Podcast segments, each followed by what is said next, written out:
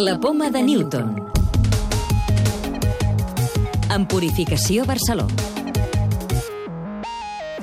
Investigadors catalans han demostrat per primera vegada que hi ha causes genètiques que determinen una millor o pitjor recuperació després d'un ictus.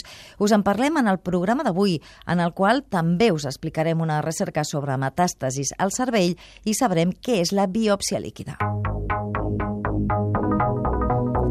En una recerca finançada en fons de la Marató, un grup d'investigació liderat des de l'Institut Hospital del Mar d'Investigacions Mèdiques ha identificat per primera vegada un gen que va lligat a una recuperació pitjor després d'un ictus isquèmic. Són pacients que es queden amb seqüeles greus tres mesos després de tenir un infart cerebral. Jordi Jiménez Conde és el coordinador de l'estudi. Per una mateixa gravetat i una mateixa edat, hi ha alguns pacients que van molt bé i altres que no. Llavors, nosaltres el que hem vist, analitzant la genètica, hem, hem trobat que hi ha un gen que està implicat amb aquesta diferent evolució. Els que tenen unes variants concretes evolucionen pitjor que els que no les tenen. 3% de la població pot tenir aquestes variants i aquests que tenen aquestes variants, les possibilitats de que recuperin són menors que els que no tenen aquestes variants. Hi ha molts d'aquests que tenen seqüeles molt greus perquè no, no recuperen. Si es pogués veure quins pacients tenen aquestes variants i poder ajustar de forma personalitzada les teràpies de rehabilitació, això seria una possibilitat, però l'altra és veure en quins mecanismes està implicat aquest gen i veure si aquestes vies que fan que una persona es recuperi més bé o més malament es poden modular d'alguna manera amb nous tractaments. La recerca publicada a Circulation Research és la més completa feta fins ara i han participat més de 2.000 persones i 12 centres de recerca de diferents països.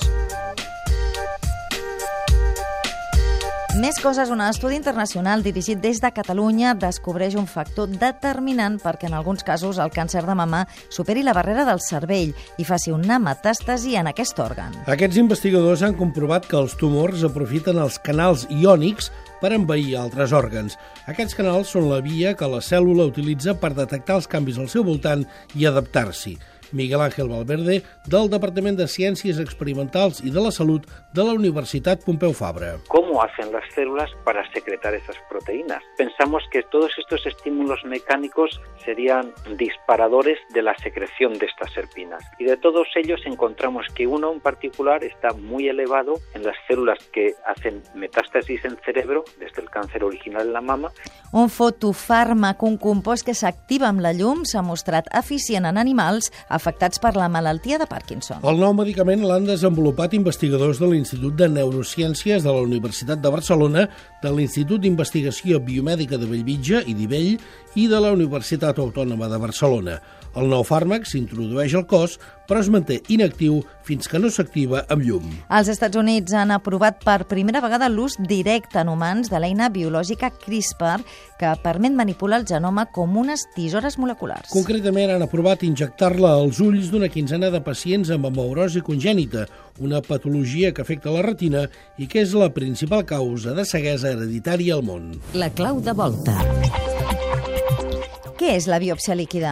Beatriz Bellosillo, patòloga de l'Hospital del Mar. La biòpsia líquida consisteix en anar a detectar les alteracions genètiques del tumor, però en lloc de fer-ho com ho fem normalment, que és agafant un trosset del tumor i buscant allà les alteracions genètiques, aquest abordatge consisteix en fer una extracció de sang i llavors buscar a la sang aquestes alteracions pròpies del tumor. Recordeu que ja podeu descarregar-vos el podcast de la Poma de Newton o subscriure-us al programa per rebre'l directament als vostres dispositius.